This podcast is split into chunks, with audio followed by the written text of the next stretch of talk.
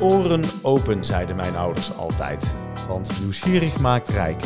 Rijk aan verhalen, rijk aan inzichten.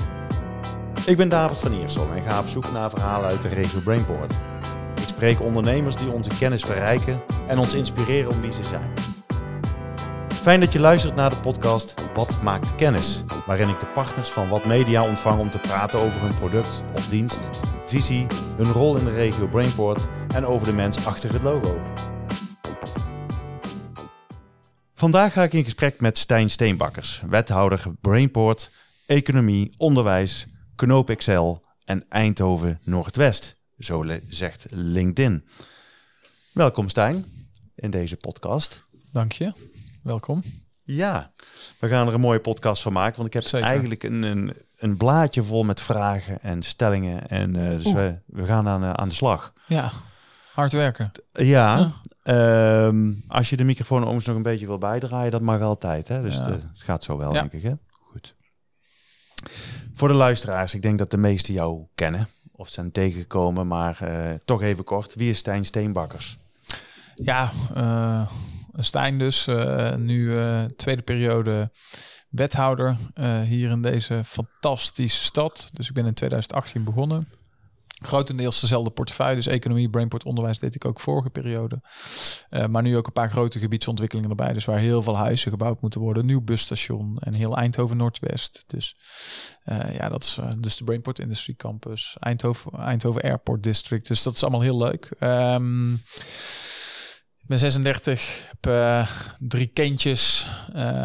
Ja, dus dat is een beetje wie ik ben. En ook woonachtig in Eindhoven. Uiteraard. Rond, rond Eindhoven. Of... Nee, in Eindhoven. In Eindhoven. Ja, meteen verhuisd toen ik hier eh, wethouder werd. Ik ben een echte Brabander van origine, maar eh, niet geboren in Eindhoven.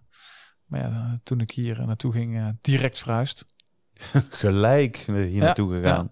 En nooit spijt gehad. Nee joh, fantastisch. Dus ik, eh, ik, ik ben hier met... eh, eh, ah, dat is trouwens nog wel een bijzonder verhaal. Eh, ehm, echt zes weken voordat ik ging eh, verhuizen, werd nummertje 2 geboren. Dus die is nog eh, in Den Bosch eh, net geboren. En toen gingen we verhuizen deze kant op. Ja, De mooie meireis had ik ook wel. Nou, ja zeker. Heel mooi, heel mooi. Ook, een, ook een mooie stad, maar wel een hele andere stad weer dan Eindhoven. 100 procent. Ja. En de derde, het derde kindje is echt, dat is een echte een lampengatter, want die is gewoon hier geboren. Eh Van Oeteldonk naar Lampengat. eh, tot met ook de naar lampengat. Ja. Kijken hoe dat zich over een jaar of 15 of eh 18 zich gaat uiten dan. Nou, ik denk al wel iets eerder, maar dat zou zomaar gaan we kunnen. zien. We gaan, het, eh, we gaan het zien. Nou, je had het net over je, je tweede periode. Ehm, dus betekent ook uh, je, je portefeuille is redelijk gelijk gebleven uh, in grote lijnen. Um, als je terugkijkt op je eerste periode en uh, nu, um, zijn er nou bepaalde dingen waar je van geleerd hebt en je denkt, nou, daar ga ik nou toch even anders doen? Um, ja, een van mijn uh, mindere kwaliteiten is geduld. Mm -hmm. uh, dus ik neem mij iedere dag voor als ik naar het stadhuis fiets of naar een afspraak om dat iets beter te doen. En, uh, maar blijft het bij een voornemen of gaat er ook gewoon concreet iets gebeuren? Ik was heel bang voor deze vraag. ik moet tot nu toe constateren dat uh, ik het zelf vind dat het nog iets te veel in een voornemen blijft in plaats van uh, dat ik het al praktiseer. Dus dat is een leerpuntje. Hmm. En wat doe je er eigenlijk concreet aan om bepaalde dingen je eigen te maken? En daar heb ik het niet alleen over geduld hoor. Ik bedoel, uh...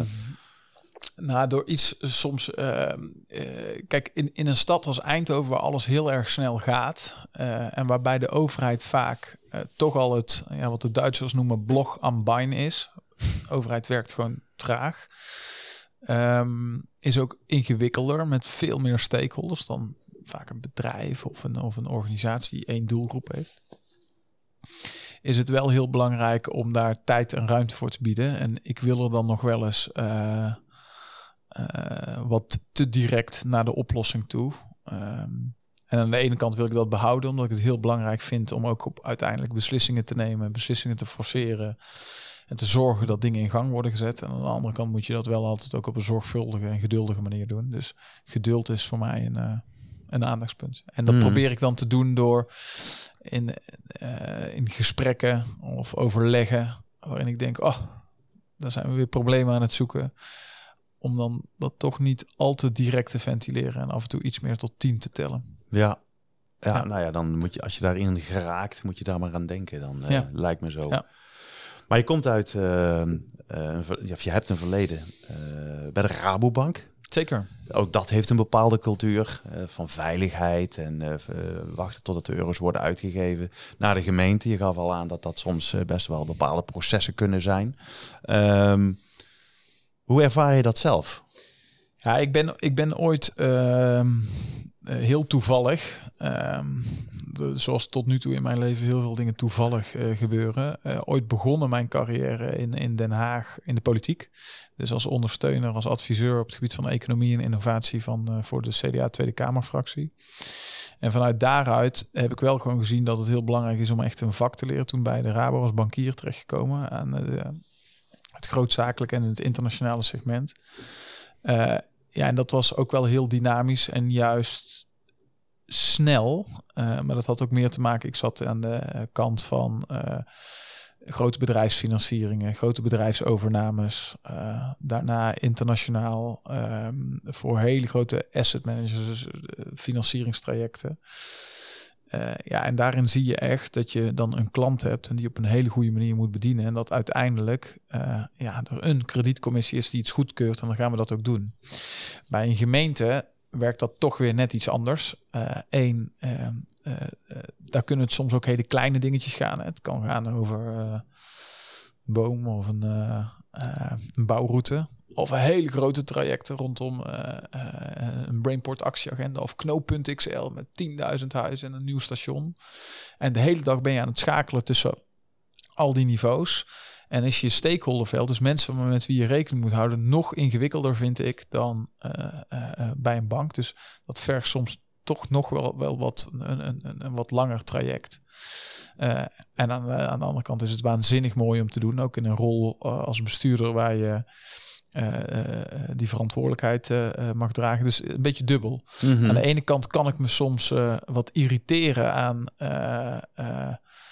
als het te stroperig wordt. Komt het geduld weer om de hoek kijken? Komt toch weer dat geduld. en aan de andere kant ook begrip daarvoor, omdat ja, het veld waarin je acteert en de belangen die er, wat er in een stad of in een openbare ruimte gebeurt, ja, daar heb je allemaal rekening mee. Ja, dat snap ik. Want als ik naar ja, uh, je staat veel in de pers hè, of in de media. Uh, als ik kijk naar jouw dagen, uh, kun je nog wel beleid maken. Want volgens mij moet je gewoon van het een naar het ander. En eh, hoe ziet een, een, dag van een wethouder eruit?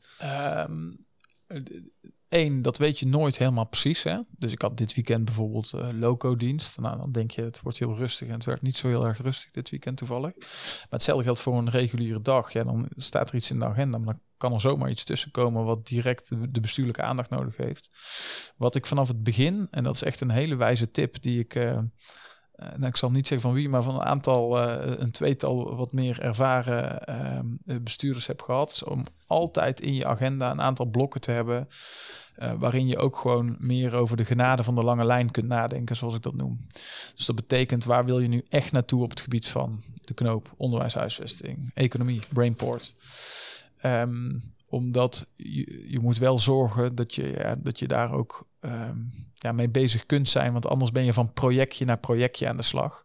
Dat betekent dat ik voor mezelf altijd heel scherp heb uh, in de vier, vijf verschillende verantwoordelijkheden, domeinen die ik heb, gewoon mijn top drie. Dit moet er gewoon gerealiseerd zijn aan het eind van de periode. Mm -hmm. En wat er ook tussendoor gebeurt en mijn aandacht nodig heeft, en dat weet ik, uh, uh, die dingen, die moeten gewoon gedaan worden. Dus focus houden. En daar dus ook tijd voor maken. Ja, ik ben uh, in Rotterdam geweest en uh, hoorde daar dat uh, Abu Taleb, de burgemeester, al daar een aantal blokken, zoals jij het ook blokken noemt, dan gaat hij naar een tuinhuisje ergens net buiten Rotterdam. ik mocht daar een keertje zijn. Oh, mooi. dus ik kon het zien. Um, om ook puur te zeggen van ik blok letterlijk een, een, dagdeel of weet ik veel hoeveel dat was, om uh, tot strategie te komen, om inzicht te komen en niet alleen maar ingefluisterd door anderen, maar vooral ook uh, zijn eigen gedachten daarop los te laten. Heb jij die stilte momenten dus ook in jouw uh, Zeker. agenda? Zeker. nog te weinig. Toon Gerbrands vond bijvoorbeeld altijd...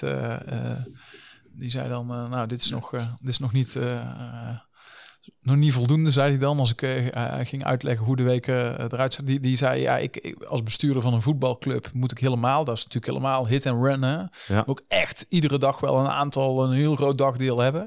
Nou, dat is bij mij niet zo, maar ik probeer wel minstens één keer per week dat te hebben. Het hoeft niet altijd in stilte te zijn, dat kan wel soms. Um, uh, maar het kan ook zijn, ik sport bijvoorbeeld veel. En ik merk dat op dat moment echt mijn hoofd ook helemaal leeg raakt. Ja, ook die baan combineren van soms 80, 90, uh, in hele extreme weken meer dan 100 uh, eh, uur per week uh, met, en een gezin met drie kinderen is natuurlijk ook een interessante combi.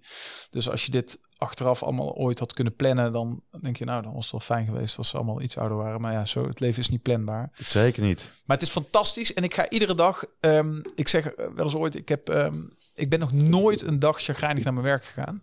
Nog nooit. Ik heb ook nooit het gevoel dat ik naar mijn werk ga overigens. Ik heb niet echt werk. Het is meer echt ja, iets wat ik voel uh, dat je mag doen. En uh, wat gewoon onwijs leuk is. Wil niet zeggen dat ik ieder onderwerp of ieder gesprek leuk vind. Uh, nee. Dat ik me niet af en toe verschrikkelijk kan irriteren of ongeduldig kan zijn. Maar nee, dit is hartstikke mooi. Om een voorrecht dus. Ja, combi privé is alleen uitdagend. Ja, hoort erbij hè? Hoort erbij. Ja, zeker. We gaan een aantal uh, onderwerpen bespreken, waaronder de regio en het ondernemerschap. Ik denk ja, dat ja, uh, zeker. En het, we, we, eindigen weer waar we begonnen zijn op het persoonlijke ja. vlak. Dus dat, uh, dat gaan we allemaal deze podcast doornemen. Maar als ik eventjes, ik moet hem even erbij pakken. dan moet ik zelfs mijn bril ervoor gaan opzetten, want het is echt een stevige opsomming. Um, gemeente Eindhoven, Brainport, regio Brainport, Brainport Eindhoven, metropoolregio Brainport Eindhoven ja, uh, men vraagt zich af, wat is het nou? Uh, kun je je voorstellen dat dit vraagtekens oproept? Uh, kan ik, uh, maar het is ook heel makkelijk oplosbaar. Eigenlijk voor Den Haag zijn wij Brainport Eindhoven. Punt. Mm -hmm. Dat is de regio uh, ja, die toch het meest in het, in het oog springt. Ja, en daaronder hoorden allerlei samenwerkingsverbanden. Dus de samenwerkingsverband tussen de 21 gemeenten SEC, de metropoolregio Eindhoven is het een onderdeel van. Maar uiteindelijk komt alles samen in Brainport Eindhoven. Wat ons uniek maakt voor het kabinet en voor Den Haag, maar ook voor Brussel ja, is toch die unieke samenwerking hier, de economische kracht, de innovatiekracht, de maakindustrie die erachter zit. Dat is waar we echt uniek in zijn. en de rest, voor de rest zijn we een gewone regio zoals iedere andere regio in, uh, in Nederland. Ja, en je, je noemt Den Haag, maar ja. is het voor de burger in Eindhoven ook uh, helder? Nou, ik denk dat we dat nog wel nog beter kunnen uitleggen. Hè. Dat is natuurlijk altijd met samenwerkingsverbanden. Uh, nou, de gemeente Eindhoven is gewoon de plek waar je paspoort komt halen en waar je allerlei gewoon lokale dingen mee kunt doen. Uh, als het gaat meer over op het economisch vlak, innovatievlak, dan is het Brainport Eindhoven. En dan zijn er een aantal publieke taken mm -hmm. die we met 21 gemeenten doen. En dat is de metropoolregio Eindhoven. Ja, nou ja, als je die drie een beetje onderscheidt, dan, uh, dan, dan ben je er al een, voor 60, 70 procent. City Marketing heeft uh, zijn handen er vol aan, denk ik dan. Onder andere, want dat is dan puur de stad Eindhoven. Nee, City Marketing doet ook wel dingen voor een iets bredere regio natuurlijk. Maar in principe natuurlijk het gros deel gewoon voor, voor Eindhoven. Um, maar ja, nee, die hebben, die hebben genoeg te doen. Nou, we hebben het in ieder geval gehad over de regio Eindhoven, de Brainport Eindhoven. Ja. Uh, we hoeven allemaal geen hogere wiskunde te hebben gestudeerd om te weten dat deze regio enorm groeit. Ja. Uh, en dat biedt heel veel kansen voor ondernemers. Uh, wat zijn er eigenlijk voor kansen? Wat, als ik van buiten Eindhoven kom uh, of ik ben iemand die wil gaan starten, wat voor kansen liggen hier eigenlijk in deze regio?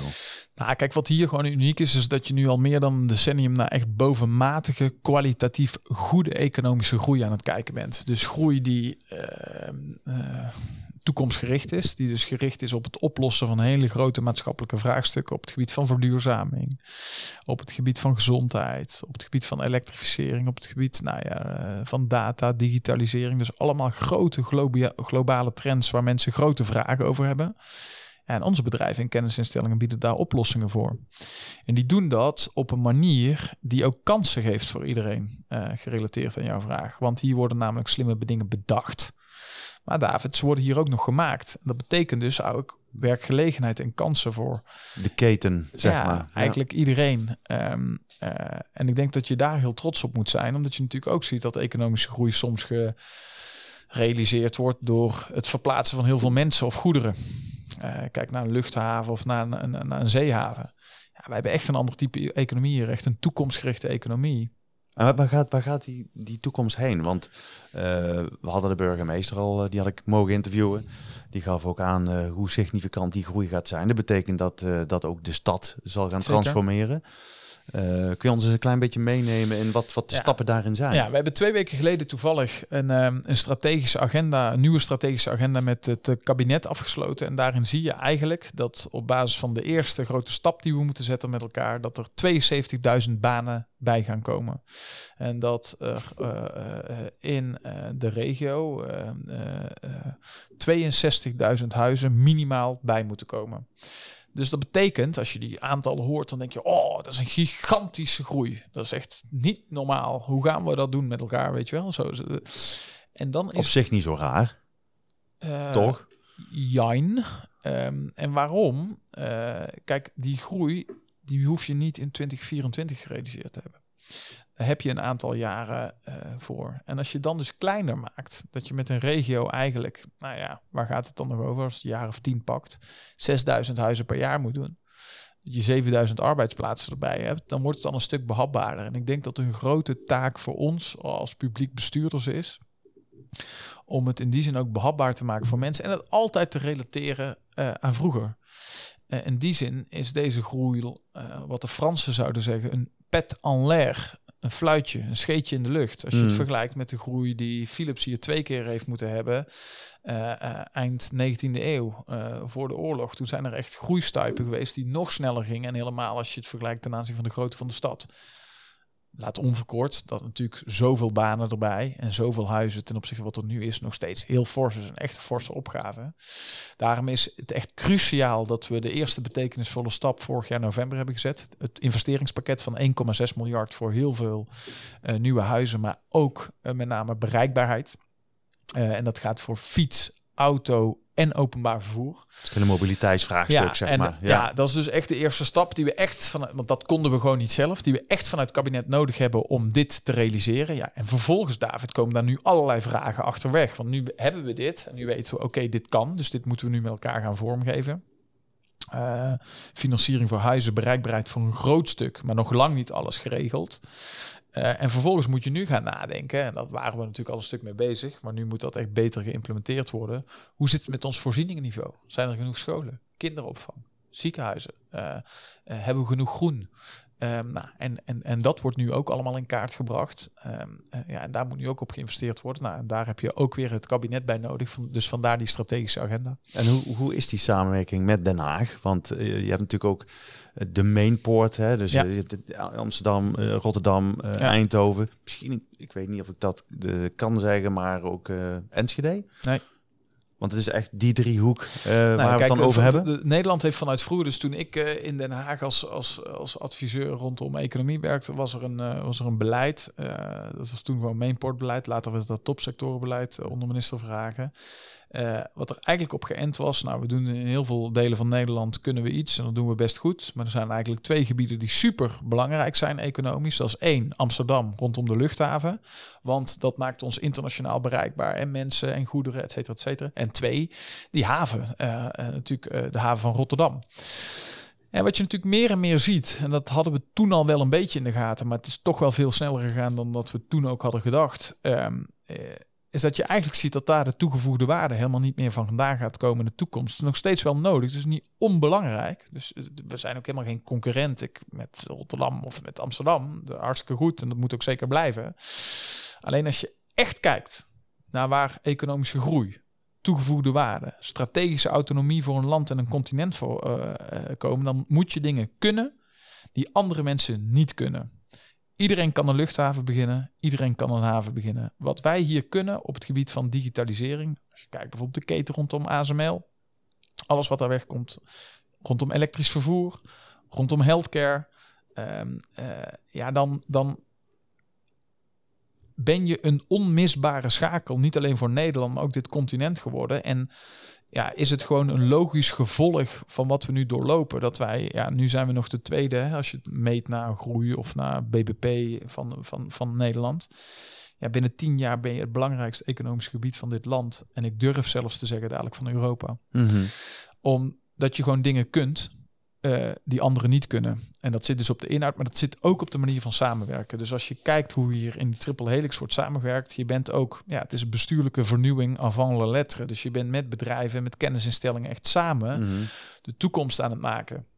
Ik denk dat dat ook nodig is, omdat je ziet dat bestuurlijk gezien, je, je ziet het nu ook in Den Haag, die rennen echt van crisis naar crisis en van halve oplossing naar halve oplossing je kunt dit niet meer als overheid alleen, je kunt het ook niet als bedrijf alleen. Je moet dat op een nieuwe manier besturen en op een nieuwe manier doen. Ja, en ook dat, daarin zijn we hier uniek, want niemand in Nederland werkt op zo'n manier uh, ja, met bedrijven, met kennisinstellingen samen. Het wordt wel eens vergeleken met een uh, soort klein Silicon Valley. Ben je het daarmee eens? Nee omdat ik dat een heel slecht voorbeeld vind. Ja, want dit wordt al jaren zo gebruikt. Ja, en, ehm, ja, ja, ik heb zelf ooit een, uh, ik geloof dat voor het FD of de NRC was ooit gezegd, we moeten geen Silicon Valley aan de dommel worden. En de reden waarom ik dat heb gezegd, is omdat ik dat een, ja, eigenlijk het mooiste slechte voorbeeld vind wat er is. uh, uh, het is wel een stigma wat blijft hangen, hè? Want ik, ik, ik, zie het overal weer terugkomen. De slimste kilometer wordt. Ja, de slimste maar dat is iets anders. Kijk, kijk, mhm. Silicon Valley. Um, als jij een economie, een stad en een regio ontwikkelt, dan moet je uh, zorgen, en dat is dan toch een beetje die Brabantse, uh, Brabantse achtergrond, dat het een beetje gezellig voor iedereen blijft. Kijk, je kunt alle ballen op. Dus de focus ligt bij ons op techniek, op innovatie, op die high-tech economie, waar we gewoon heel goed in zijn. Maar tegelijkertijd betekent dat ook dat je een aantal andere dingen niet doet. En dat je een aantal basisvoorzieningen in je economie ook op orde moet houden. Kijk, ik heb niks aan nog een BSML, een CSML, als er geen buschauffeurs meer zijn die de mensen naar hun werk kunnen brengen. Als er geen docenten meer zijn die hun kinderen lesgeven. En als er geen bakker meer is die het brood wil bakken. Dat betekent dus ook dat we heel nadrukkelijk en heel breed uh, voor het MKB optreden om daar ook ja, uh, te zorgen dat die voldoende groeimogelijkheden en doorontwikkelingsmogelijkheden hebben. Dat die, bij, dat die geholpen worden. Als kijk naar bijvoorbeeld recent uh, energiesubsidie. Maar kijk ook naar manieren waarop we als overheid proberen te helpen met dat MKB. Dus met VNO-NCW, MKB Eindhoven, Stichting OVE, al die belangenorganisaties. Grote subsidies op het gebied van digitalisering. Dat ook die MKB-bedrijven daarop mee kunnen komen. En dat is belangrijk, want als wij die regio niet integraal tot ontwikkeling brengen. En te zorgen dat die een beetje van iedereen en voor iedereen blijft. En ook voor al die mensen die er nu al wonen. Um, ja, dan word je een soort Silicon Valley met ja, alleen nog een stad voor de happy few. En vaak mensen die van buiten de stad komen. Terwijl, ja, excuse my French, maar toch de authentieke, echte Eindhovenaar. En die ook nog zo een beetje praat. Ja, dat die naar de randen van de stad of de regio wordt gedrukt. Nou, dat willen we goed, goed niet. En daarom kiezen we bijvoorbeeld heel nadrukkelijk voor betaalbaar bouwen. Voor investeren in het MKB. We kiezen ook om sommige dingen niet te doen, want je kunt niet aan alles ruimte bieden. Voorbeeld daarvan is dat we hebben gezegd, nou, de bestaande logistieke ondernemingen die er zitten, logistiek kost heel veel ruimte, hè? dus veel ruimte, lage toegevoegde waarde, als je logistiek doet op een klassieke manier. Um, uh, ouderwetse manier zou ik bijna willen zeggen. Dus we hebben gezegd, nou, bestaande bedrijven die in de logistiek zitten voor doorontwikkeling, daar is ruimte voor. Er komen geen grote ontwikkelingsgebieden of bedrijventerreinen hiermee voor. Het kost te veel ruimte, te mhm. weinig toegevoegde waarde. Het vreet arbeidscapaciteit weg die we ergens anders veel harder nodig hebben. Dus we worden ook veel uh, kieskeuriger op waar we economische groei willen laten plaatsvinden. Kwalitatief, groen, op de grote ontwikkelingen. Ja, en, en dus... Maar we halen, we halen die talenten ook niet vanuit uh, alleen maar uh, Brabant natuurlijk. Hè? Want we, we hebben natuurlijk heel veel expats hier in Nee, maar het is wel het sluitstuk. Dus even in die strategische agenda hebben we gewoon heel helder gezegd. Het zijn gewoon vijf blokken. We hebben 72.000 extra mensen nodig. En hoe gaan we die opvullen? Nou, daar komt uh, internationalisering, om het toch even heel scherp weg te zetten. En dat heb ik van de week ook nog een keer gedaan bij een bijeenkomst voor de airport.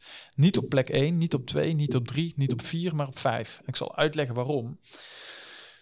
Eén uh, is onbenut arbeidspotentieel. En onbenut, dus om die 72.000 te vullen. Dus tienduizenden moeten we gaan halen aan mensen die nu nog aan de kant staan. En soms is dat aan de kant in de zin van: ik heb nog helemaal geen baan. Hè? Nou, alleen al in onze stad uh, bijna 7000 mensen. En maar soms is dat ook. Uh, met een achterstand op de arbeidsmarkt per se, of gewoon, gewoon in, geen baan. In, dus zoals we dat dan noemen, uh, die langs de kant staan in de bakken. Ja. Uh, die kunnen hier gewoon meedoen. Het gros. Waarom? Dit zijn niet alleen banen voor architecten, voor ingenieurs. Dit zijn ook gewoon banen waar dingen gemaakt kunnen worden. Dus er is echt werk heel breed voor iedereen. Dat is één. Het tweede is bijvoorbeeld van al die internationals uh, ja, die hebben ook vaak partners. Die zitten vaak nog aan de kant. En die wonen hier al in een huis. die hebben al een, vrouw of een man die werkt. Die kunnen ook gewoon meedoen. Dus daar hebben we een spousesprogramma bijvoorbeeld op lopen. Dus gewoon bestaande capaciteit benutten. Het derde is dat we in ons uh, primair en voortgezet onderwijs veel meer aan techniekpromotie moeten doen. Dus wij moeten zorgen dat jongeren, onze jongeren, of ze nou internationaal zijn, Eindhovens, maakt me allemaal niet uit, veel meer kiezen voor die techniek. Ook meisjes. Anders gaan we het gewoon niet redden. En veel minder voor opleidingen die we naar de toekomst gewoon minder nodig gaan hebben. Kijk, je kunt nu gaan studeren voor, ik noem maar wat, commerciële economie, bankmedewerker. Ja, over tien jaar is alles gedigitaliseerd. Dus kies een god, godsnaam, zeg maar, iets waar je echt een toekomst op kunt bouwen. En de komende 20, 30 jaar is die techniek, het is hier een walhalla. Nou, en dan heb je als sluitstuk op een gegeven moment, oké, en dan voor hele specifieke beroepen in de techniek Mhm. of in andere sectoren, heb je nog mensen uit het buitenland nodig, maar daar begint het niet, daar eindigt het. En waarom zeg ik dat zo scherp, David? Omdat wij zien dat je anders aan die publieke kant, en dan, anders zou je dus een Silicon Valley en de dommel worden, kun je niet snel genoeg meegroeien. Wij hebben wel huizen voor iedereen nodig. Hebben, Maar, maar vind, je, vind je het erg als, als hier de, de Engelse taal ja, wat Nou, dat- nadrukkelijker aanwezig is? Eh, nee, maar ik vind wel dat ze ook allemaal Nederlands moeten leren. Dus als ze hier gewoon komen, Zeker. Jij komt hier naar Nederland, jij komt hier naar Eindhoven. En daarom is het ook zo, taal is echt cruciaal. En Nederlandse taal is ook nog steeds gewoon cruciaal.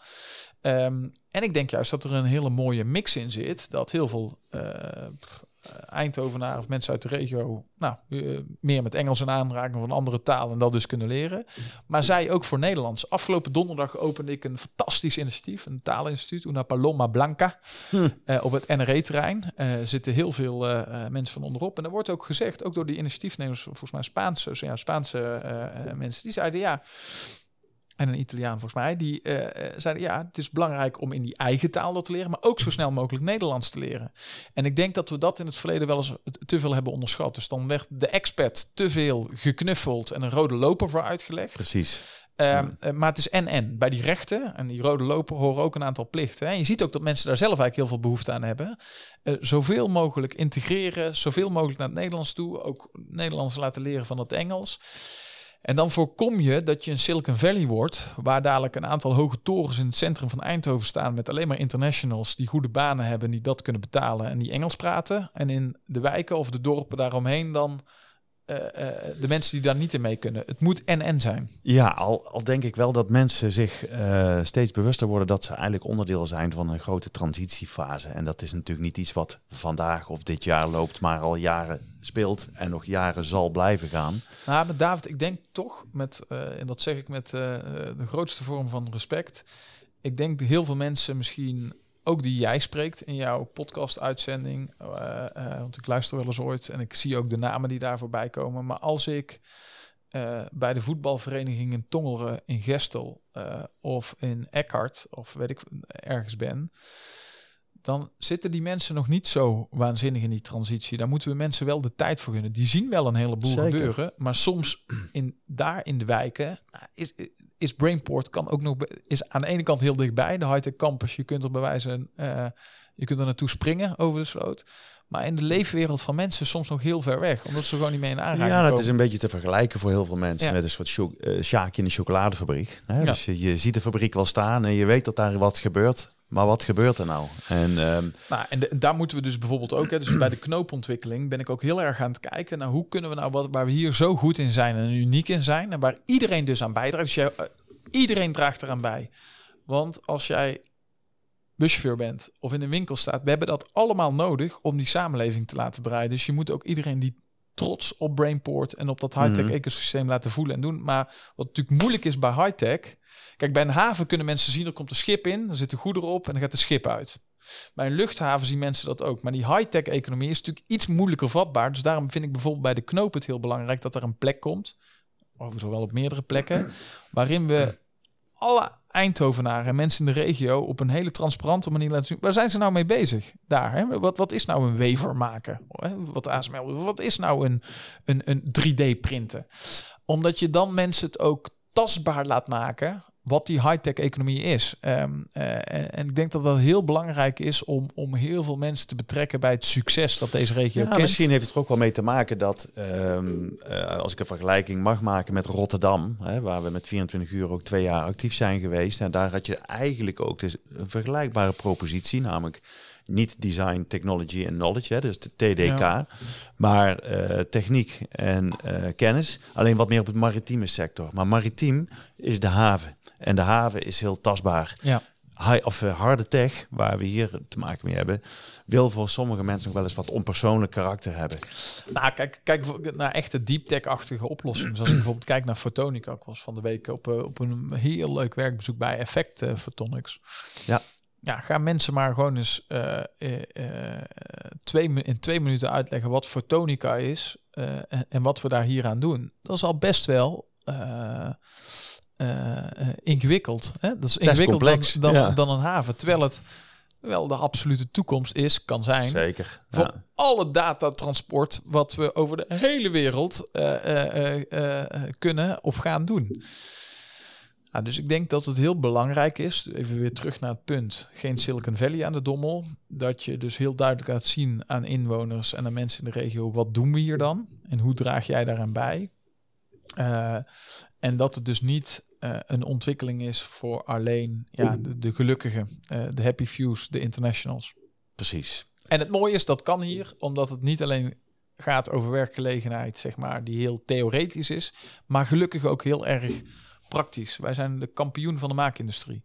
Nou, dan laat, laten we het dus over die maakindustrie hebben en de keten van ja. al die ja. grote bedrijven die we hier al inmiddels uh, hebben.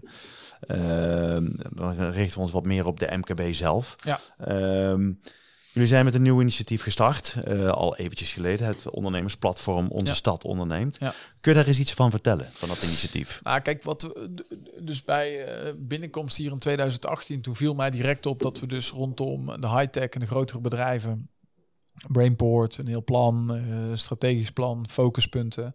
En dat we rondom het MKB best veel deden, maar eigenlijk niet met hun hadden afgesproken. Wat zijn nu voor jullie de belangrijke ontwikkellijnen? Waar moeten we dan samen op inzetten? Nou, dat hebben we met onze stad onderneemt uh, gedaan.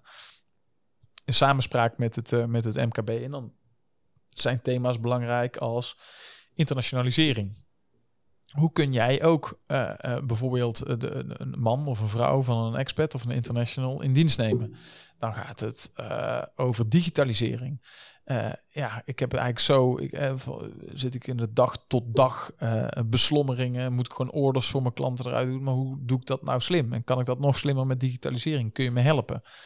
Uh, dan zit dat op het gebied uh, van start-ups. Uh, die echt, een, dus beginnende MKB-bedrijfjes, start-ups, die, ja, hoe, hoe, kan ik dan geholpen worden? Kan ik een coach krijgen? Kan ik, nou, allemaal dat soort dingen. Daar hebben we gewoon een aantal thema's. Noem nu drie voorbeelden op afgesproken, waar we dan met elkaar op inzetten. En kijken of we dat een beetje beter kunnen laten worden. En bijvoorbeeld MKB'ers die zeggen, nou, joh, we zitten hier eigenlijk op steenworp afstand van fantastische andere markten. Namelijk heel dichtbij België of Duitsland. Kunnen jullie helpen? Om daar eens een eerste contact te leggen. Of, of hoe werkt dan ondernemen in Duitsland? Ja, dat is natuurlijk ook heel belangrijk, David, om daarop in te zetten. Naast wat we allemaal doen voor die high-tech. Nou, ik geloof dat de dialoog altijd centraal moet gaan staan. Dus dat je zorgt dat je altijd in gesprek blijft met de MKB. Ja. Um, uh, dus wat dat betreft is denk ik wel belangrijk dat dat gaande blijft gaan. Dus, niet in de laatste plaats middels een podcast als deze. Hè? Dus Zeker. Ook Zeker. Ook vrij super, belangrijk. Super belangrijk. Um, maar is het wel zo dat dit initiatief ook de loketfunctie wegneemt van een gemeente? Want waar iedereen vroeger altijd een beetje tegenop keek van ja, maar dan moet je naar het loket en dan word ik van het kastje naar de muur gestuurd. Ja, ik heb, dit, ik heb nu gezegd van dit is, dit is het loket en dan gaan we ook zoveel mogelijk onderbundelen. He, dus we hebben ook in ons bestuursakkoord gezegd er komt eigenlijk ook één loket dadelijk voor MKB'ers waar ze met hun vragen, opmerkingen terechtkomen. Dat hebben we eigenlijk geleerd uit de coronacrisis. Toen hebben we heel succesvol zo'n loket opgericht. Van de MKB, MKB'ers ontzettend fijn.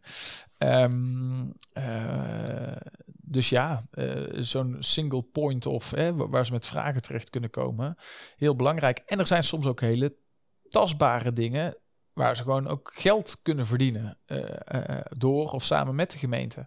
Misschien wel leuk om te benoemen dat vorige week maandag mm, ongeveer rond deze tijd heb ik uh, uh, namens de gemeente Eindhoven de prijs uh, in ontvangst genomen, een aanbestedingsprijs voor MKB Infra. Wij mm -hmm. zijn de gemeente die het meest MKB-vriendelijk aanbesteedt, um, gekozen door het MKB zelf. Dus die zeggen, fantastisch hoe jullie dat als stad doen.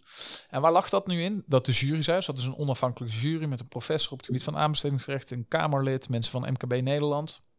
En van al die 300 gemeentes, 12 provincies, waterschappen en weet ik veel wat, kwam Eindhoven als nummer 1. Er staat een grote prijs uh, op mijn kamer en ik heb taart naar de, naar de afdeling laten bezorgen. En uh, waarom? Omdat wij in coronatijd hebben wij de koppen bij elkaar gestoken, destijds met wethouder Oosterveer nog. En mhm. hebben we gekeken, kunnen wij nou slim dingen opdrachten. We zetten natuurlijk 1,1 miljard weg per jaar hier als gemeente. Naast alle investeringen. Maar 1,1 miljard gaat er iedere, ieder jaar. Dus deze. Kunnen we nou heel slim investeringen die we eigenlijk hadden gepland in 24 of 25 naar voren halen. Dus dan moeten we nu wat extra geld hebben. Maar we krijgen ze hè, later. Zo, hebben we voor bijna 60 miljoen euro aan extra 55. Uh, uh, aan extra opdrachten in coronatijd de markt opgezet. En dat ging om het plaatsen van zonnepanelen. Aanpak van de Kennedy-laan. En het mooie was ook nog, het was in coronatijd, dus veel minder mensen hadden er overlast van. Het was fijner aan de Kennedy-laan werken in coronatijd, toen iedereen thuis werkte, dan het nu. Het was vrij stil nog. Dat soort dingen. We hebben een, een, daar met duurzaamheid, door juist eisen op duurzaamheid te stellen, kun je lokale MKB-ondernemers, regionale MKB-ondernemers, net uh, uh, dat stripskeveur geven, om het maar op zijn uh, Eindhovens te zeggen. Ja, en zo moet je als overheid met ondernemers moet je samenwerken. Ja, dan is het super mooi om te zien dat je daar gewoon een prijs op krijgt. Nou, en dat zijn ook dingen die we met onze stad ondernemen doen. En hoe ondernemend ben je zelf? Um, ja, behoorlijk. Dus uh, dat, dat, dat, heeft misschien dan ook te maken, komt er toch weer op dat geduld aan. Bij mij kan het ook nooit snel genoeg gaan, omdat ik gewoon zie, David, dat die ontwikkelingen van onze ondernemers en kennisinstituut gaan zo snel dat de overheid iedere keer de vertragende factor is. En ik vind dat wij sneller tot uh, besluiten moeten komen. Maar wat, wat kun jij daaraan doen om te zeggen? Sneller een besluit nemen. Dus eh, een mhm. overheid uh, en, en een, een, publiek bestuurder, dat zag ik in Den Haag, dat heb ik in de provincie toen staatslid was gezien, nu als wethouder. Die willen vaak dingen tot in de 100% weten uh, om een beslissing te kunnen nemen. En, en, en heel vaak gaat dat ook gewoon niet. Ik, ik neem 50, 60 beslissingen misschien wel per week. Uh, en, en ik besef me dat er een aantal ervan echt vast niet de meest optimale zijn. Maar het ergste wat je kunt doen, is geen beslissing nemen. En een publiek bestuurder wordt vaak afgerekend op dingen die niet goed gaan. Dat het blijft liggen. Ja, maar, maar dat wordt veroorzaakt ook wel een beetje door. Uh, je, je komt vaak met je kop in de krant te staan. Of met iets anders als iets niet goed of niet optimaal is gebeurd. Ja, wat gebeurt er dan veel? Dingen vooruitschuiven. Nog een extra onderzoekje. Nog een eis dit. Nog een eis dat. Terwijl ik denk, ja jongens, daar zit de oplossing niet. Die, stad, die vraagt om oplossing. Die vraagt gewoon, we hebben extra woningen nodig. We hebben wegen nodig. We hebben scholen nodig. Moeten sportaccommodaties komen. Mensen moeten goed ondersteund worden. Uh, en dat doe je altijd met waanzinnig goede initiatieven of, of uh, adviezen van onze ambtenaren. Maar altijd met de informatie van dan. En ja, dan moet je dus het lef nemen om beslissingen te nemen. Wat ondernemers ook vaak moeten doen. Die zitten ook in de markt. Die weten ook niet alles. Die kunnen ook niet alles uitvoeren. Ja, dat vind ik heel mooi om te doen. Dus een beetje ondernemerschap in een overheid. Intrapreneurship noem ik dat maar. Die snap ik. Ja. Maar dat gaat een beetje voorbij aan de vraag die ik eigenlijk in jou persoonlijk oh. wilde stellen. Want is deze periode voor jou, en dan gaan we ook richting het slot ja. uh, van deze podcast, uh, ook de opmaat voor jouw toekomst? Als oh. ondernemer, want ik denk dat jij op eigen benen gaat staan. Schat ik zo voorzichtig in. Oh, ik heb echt geen flauw idee. Zoals ik net, dat is ook weer een mooi linkje naar het begin dan. Uh, ik, ik plan dit nooit. Ik ben, ik, het is altijd een beetje met toeval. Ook het wethouderschap overigens. Dus ik heb, ik heb geen idee. Ook totaal niet meer bezig. Ik vind het zo leuk wat ik nu doe. En, uh, en dat doe ik in ieder geval nog minimaal drie jaar. En wie weet vind ik het zo leuk. Uh, ja, wat daar nog kan, uit kan voortkomen, dat zien we dan wel weer. Maar wat zou je mooi vinden, hoe lang het ook duurt, deze reis? Wat wil je graag achterlaten? Nou, er zijn een aantal. Uh, dus, dus één is die strategische agenda met het Rijk en een, uh, nog een, een, flinke investeringsklapper vanuit het Rijk. Dat hebben we op infra met die 1,6 miljard gedaan. Ik vind het heel belangrijk dat dat ook op talent en op voorzieningen komt. We zijn bijvoorbeeld bezig met een regio-deal. Het tweede uh, rondom onderwijshuisvesting is echt voldoende scholen. Uh, daar vind ik echt dat we een stap moeten maken. En het derde is dat ik echt Knoop, de, Knoop XL echt de lucht in wil zien, zien gaan. En een begin wil maken met een nieuwe busstation. Wanneer moet dat klaar zijn?